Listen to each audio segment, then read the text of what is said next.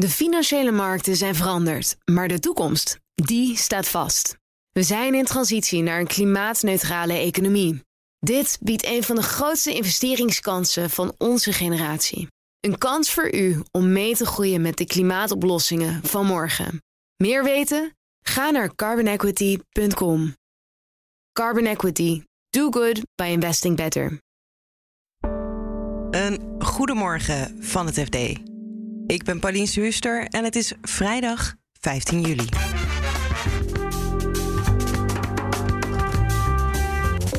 GasUnie zegt: wij komen de winter door zonder gascrisis. Terwijl Duitsland zich voorbereidt op een noodsituatie. En dan is het heel raar dat in een totaal gekoppelde markt eh, wij eh, ja, eigenlijk rustig kunnen gaan slapen. Het kaf gaat van het koren gescheiden worden nu de diepste cryptocrisis ooit woedt. Zo'n 2000 miljard dollar aan, uh, aan cryptomunten is uh, verdampt. Uh, en dat is, dat is zeker de diepste cryptocrisis ooit. En het FD komt met een weekendpodcast. De week voorbij. Ja, waar je iets langer de tijd voor neemt en wat dieper op het onderwerp in kan gaan. En ook de achtergronden bij situaties leert kennen. Dit is de dagkoers van het FD. GasUnie kwam gisteren met het bericht dat we de winter doorkomen, ook als het Russisch gas wegvalt. Of we echt rustig kunnen gaan slapen, hoor je van onze energieredacteur Bert van Dijk. Die vertelt dat er nogal wat aannames liggen onder het bericht. Een normale winter worden alle capaciteit die we in Nederland hebben om vloeibaar gas uh, naar ons toe te halen, die moet allemaal werken. Dat moet allemaal gecontracteerd zijn en dat moet vol zijn. Codecentrales die moeten weer vol gaan draaien. Nou ja, zo zijn er nog heel veel, heel veel voorwaarden. Ja, en als we even kijken naar dat uh, vloeibaar gas, volgens mij is inmiddels ja. onze capaciteit in ieder geval verdubbeld. Ja, er zijn uh, twee in de drijvende LNG-terminals eigenlijk uh, ja, gecontracteerd door GasUnie dit jaar. En die worden nu naar Groningen gesleept, naar de Eemhaven. Ja. En die gaan daar uh, klaarstaan deze winter en die kunnen we gebruiken. En dat gaat om 8 miljard kubieke meter gas. En uh, daarvan is al 7 miljard al gecontracteerd door twee bedrijven. Mm -hmm. En die moeten ons gaan helpen. Maar ook dat is zeg maar uh, best wel problematisch, omdat een deel van dat gas wat naar ons toe komt, ja. dat komt via een Tsjechisch bedrijf naar ons toe. En die uh, zeggen in hun persberichten: ja, dit is gas, dat, ga, dat gaat ons Tsjechië helpen om van het Russisch gas af te komen. Ja, en dat dus, maar de vraag of het er mee. komt bij ons dus. Nou ja, het komt sowieso aan bij de terminal, maar het is gecontracteerd door een Tsjechisch bedrijf die uh, dat. Uh, nou ja, voor hun, voor Tsjechië gaat gebruiken. Maar goed, het is een Europese markt. Ja. Dus het is wat gecompliceerder, maar er wordt wel heel makkelijk van uitgegaan dat al het gas dat dat voor Nederland zeg maar beschikbaar zal zijn. En dan die uh, kolencentrales, die, die hebben een soort uitzondering op de milieuregels. Ze mogen weer vol uh, gaan draaien. Ga, gaan ze dat ook doen? Uh, nee, althans, dat is nog maar de vraag. Bijvoorbeeld Uniper, een van de, de eigenaar van de kolencentrales op de Maasvlakte. Die heeft al gezegd, ja, wij gaan niet nu vol draaien. Dat is nog maar zeer de vraag of wij dat gaan doen. Ja, waar zijn ze dan bang voor? Nou, ze zeggen, zolang het geen wet is, zijn wij uh, best wel bezorgd over dat we kunnen worden aangeklaagd door bijvoorbeeld een uh, NGO of een Milieudefensie. Die zegt van ja, uh, jullie houden je niet aan de wet. Dan kan Jette wel zeggen, ja, maar jullie mogen het, jullie hebben de vrijstelling. Maar juridisch is dat er nog niet. Plus daarbij komt dat ze ja, door die cap niet genoeg kolen hebben ingekocht in het begin van het jaar. Dus dat, dat zijn ze nu allemaal aan het doen. Maar ja, dat is ook allemaal veel duurder geworden. Dus het is de vraag of zij gewoon de hele winter op volle capaciteit draaien. Of dat ook financieel aantrekkelijk uh, Ja, of dat rendabel is ja. überhaupt. Ja. Dus het zijn allemaal voorwaarden zeg maar, waar, waarbij Nederland afhankelijk is van de markten van andere partijen die beslissingen moeten nemen. Ja, hoe, hoe moet ik dit dan wegen? Zo'n gaat u maar rustig slapen bericht van de Gasunie. Is dat dan ja, gewoon het meest hoopvolle scenario? Of? Nou ja, dat, dat is het denk ik wel. En, uh, maar je kunt je afvragen van waarom ze niet een aantal scenario's hebben neergelegd. Zo van, nou ja, als er dit gebeurt, dan dit. En wij achten dit het meest waarschijnlijke. Ja. Maar ze hebben gewoon echt specifiek gekozen voor deze boodschap. Ook zonder de onderliggende aannames uh, ja, beschikbaar te stellen. Dus we hebben dit persbericht, maar ja, daar moeten we het mee doen. En ik kan, ja, ook niet, ik kan zelf kan ik niet controleren hoe ze hier aan zijn gekomen. En de getallen, die, uh, hoe die bij elkaar optellen.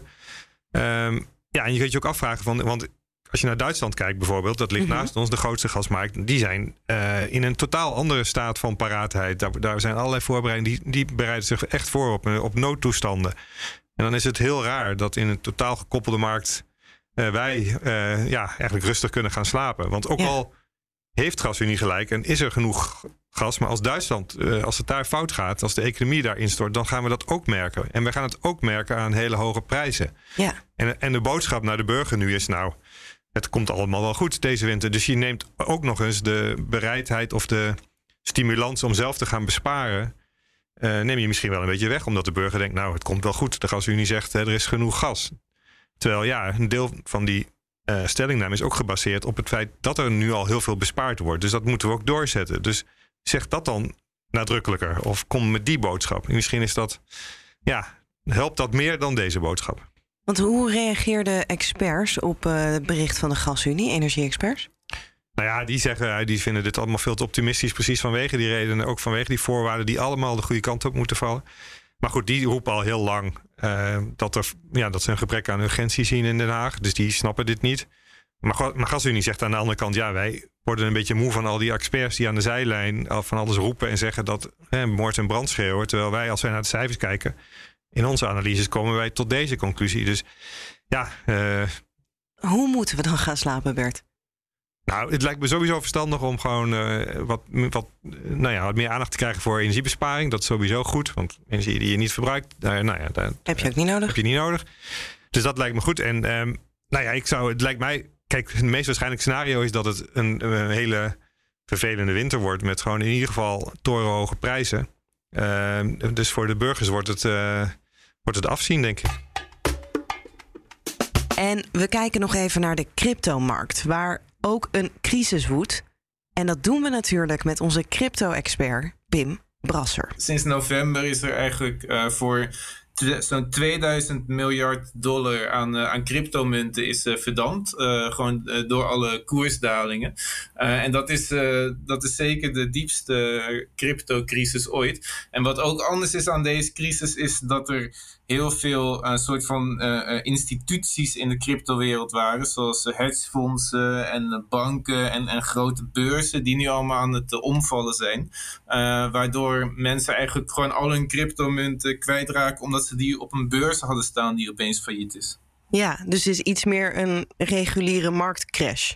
Ja, het is wel te vergelijken met wat je eigenlijk in 2008 zag. Van nou ja, Lehman Brothers uh, valt om en dan vervolgens dan komen allerlei andere banken ook in de problemen. Alleen um, in de cryptowereld is ten eerste nauwelijks toezicht en ten tweede zijn er best wel wat, um, nou toch wel enigszins idiote mensen die enorme risico's hebben genomen. Dus wat je nu ziet is dat het in de cryptowereld eigenlijk allemaal nog, uh, nog veel erger aan toe gaat. En dat honderdduizenden mensen uh, bij elkaar waarschijnlijk miljarden kwijt zijn geraakt. Waaronder ook gewoon heel veel. Um, zeg maar kleine, kleine beleggers die een groot deel of zelfs al hun spaargeld kwijt zijn. En zitten we inmiddels al op een dieptepunt van deze crisis? Of zijn we daar al overheen? Of? Ik hoop het, maar dat, dat, dat, dat weet niemand uiteindelijk. Uh, de, de bitcoin die staat nu eigenlijk al wekenlang rond de 20.000 dollar. En niemand weet uh, waar, het nu, waar het nu heen zal gaan. Sommige mensen die denken dat er een nieuwe, een nieuwe gekte zal ontstaan. En dat, dat de cryptomunten allemaal weer omhoog zullen gaan. Anderen die denken dat uh, cryptobeleggers nu toch echt wel murf gebeukt zijn. En uh, dat we een langere periode van weinig uh, handel en lage koersen krijgen. Ook wel een crypto-winter genoemd. Wat toch wel zeker lijkt, is dat het voorlopig dit jaar eventjes niet heel veel omhoog zal gaan. Omdat je ook nog allerlei renteverhogingen door centrale banken krijgt. Om de torenhoge inflatie uh, onder controle te krijgen. En dan wordt sparen aantrekkelijker en lenen om te beleggen, dat, uh, dat wordt veel minder aantrekkelijk. Uh, dus, dus je ziet dat vooral risicovolle beleggingen, zoals tech-aandelen en cryptomunt, dat die gewoon enorm aan het, aan het dalen zijn. En um, jij zei al, er is op de cryptomarkt niet zoveel toezicht. Nou zijn in deze crash heel veel mensen hun geld uh, kwijtgeraakt. Hadden we dat kunnen voorkomen als er meer toezicht was?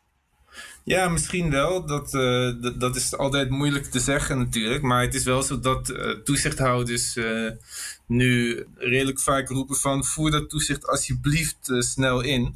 En in de Europese Unie uh, is er nu ook een akkoord bereikt over de, de eerste crypto-regelgeving. Nou duurt dat nog wel 1 tot anderhalf jaar voordat het ook echt wordt doorgevoerd door de lidstaten. Maar daar is in ieder geval iets gebeurd. In de Verenigde Staten zijn ze ook ontzettend druk ermee bezig. En wat je dan ziet is dat toch wel, er worden meer eisen gesteld aan beurzen, kapitaaleisen, cryptomunten die moeten transparanter worden uh, over wat ze precies van plan zijn en uh, wat ze allemaal met hun munten doen. Dus er komt wel meer toezicht aan en dat is ook heel belangrijk, omdat je ziet elke keer dat die, die markt gewoon heel erg veel meer waard wordt. Dus in november was het bijna 3000 miljard, maar dat is telkens cumulatief. Dus als het straks, nou ja, zeg maar iets 10.000 miljard wordt en het stort weer in, dan kan het eigenlijk um, de hele wereldeconomie kan het uh, dan uh, in zijn ondergang uh, meenemen. Dus ook om die reden zijn toezichthouders heel zenuwachtig en zij is nu echt druk bezig om, om een nieuwe crash te voorkomen. Ja, dan wil ik toch een beetje positief afsluiten. Ze zeggen altijd never waste a good crisis. Hebben we ook nog iets gehaald uit deze crisis? Positieve punten?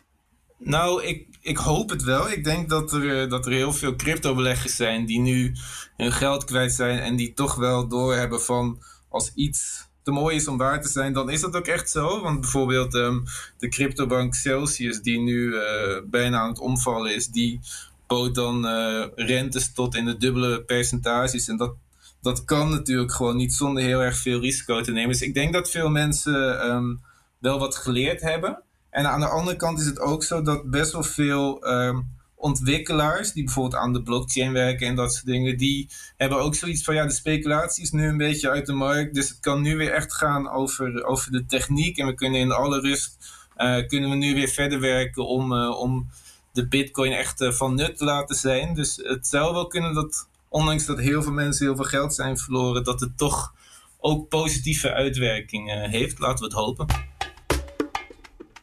En tot slot een bindende luistertip. Want morgen lanceren we De Week Voorbij, de weekendpodcast van het FD. Gepresenteerd door Elfanie Toulaar en de redactie is in handen van Yildo Bijboer. En Yildo vertelt wat voor verhalen je kan verwachten. Ik denk verhalen die je in het weekend ook wil horen. Dus die ja, waar je iets langer de tijd voor neemt en wat dieper op het onderwerp in kan gaan en ook de achtergronden bij situaties leert kennen. En Elvanie, jij gaat het uh, presenteren. Waarom, waarom vind je het zo leuk om dit soort verhalen te bespreken? Nou, ik heb een hele brede interesse. En um, Yildau komt dus in dit geval meestal met de ideeën. En die komt dus met hele verrassende verhalen... die wel een link hebben met uh, het nieuws, de arbeidsmarkt of uh, de kunstmarkt, ik zeg maar wat. En, en maar die een hele originele insteek hebben, waardoor je denkt: oh, nou, dat wist ik nog niet. En waardoor je een onderwerp toch echt beter leert begrijpen. Ja, morgen ook in de feed van Dagkoers, maar ook in een eigen feed van uh, eh, FD de Week voorbij. Kunnen we dus de eerste aflevering uh, luisteren? Waar gaat die over? Die gaat uh, onder andere over Oxocracy. Dat is een boek, Champs. Heet het toch? Ja. Ik kijk even naar Yildau. Boek Champs van journalist Simon Cooper. En hij heeft een boek geschreven over de Oxford University en wie daar allemaal uh, studeren. Ja. En als je, dat, uh, als je kijkt naar de Britse politieke elite en naar de premiers van de afgelopen tijd, dan zie je dat het, de overgrote meerderheid daar heeft gestudeerd. Dus het is een beetje een geheime formule die je daar leert. En als je die aanleert, dan, dan kom je ver in de Britse politiek, blijkt. Leuk feitje, hij heeft zelf dus ook aan Oxford gestudeerd. Ja. Met heel veel mensen die je nu heel veel voorbij ziet komen. Dus uh, veel van de mensen die nu uh, hopen Boris Johnson op te volgen, hebben ook aan Oxford gestudeerd. En ongeveer rond de tijd dat hij er zelf ook zat. Dus ik denk, hij kan daardoor ook nog beter reflecteren eigenlijk op wat die universiteit doet en waarom je daar leert wat bijvoorbeeld Boris Johnson heel goed kan ja. praten. En muziek, toch? Het gaat over. En het gaat over de handel in muziekrechten. Ja. Uh, dat is big business. En heel veel grote wereldsterren die verkopen de laatste tijd die rechten. En de vraag is waarom? Nou ja, als je dat wil weten, dan moet je morgen luisteren. Ja, en als je wil weten wat jouw favoriete nummer is, dan uh, moet je ook luisteren. Mm -hmm. En Jilda, kunnen we al iets van een tipje van de sluier oplichten over nieuwe afleveringen die hierna komen? Nou, mensen kunnen boekentips van FD-redacteuren verwachten. Dus als je nog op zoek bent naar boeken die je moet lezen deze zomer, dan uh, zou ik ook zeker gaan luisteren. We hebben het over Disney. We gaan het hebben over. De democratie. Ja, de anti-werkbeweging.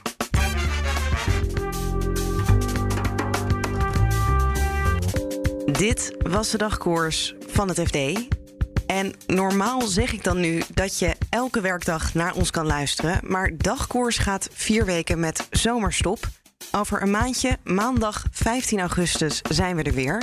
Dus abonneer je nog even snel op de podcast. Dan krijg je tegen die tijd automatisch de nieuwste aflevering weer binnen. Of zet de datum even in je agenda en kom dan weer bij ons terug. Ondertussen krijg je elke zaterdag wel een aflevering van de nieuwe weekendpodcast De Week Voorbij. Gewoon in de feed van Dagkoers.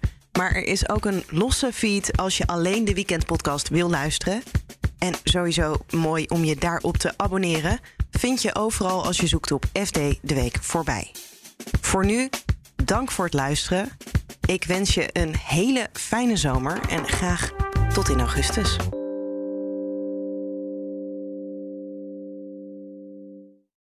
De financiële markten zijn veranderd, maar de toekomst, die staat vast. We zijn in transitie naar een klimaatneutrale economie. Dit biedt een van de grootste investeringskansen van onze generatie. Een kans voor u om mee te groeien met de klimaatoplossingen van morgen. Meer weten? Ga naar carbonequity.com. Carbon Equity. Do good by investing better.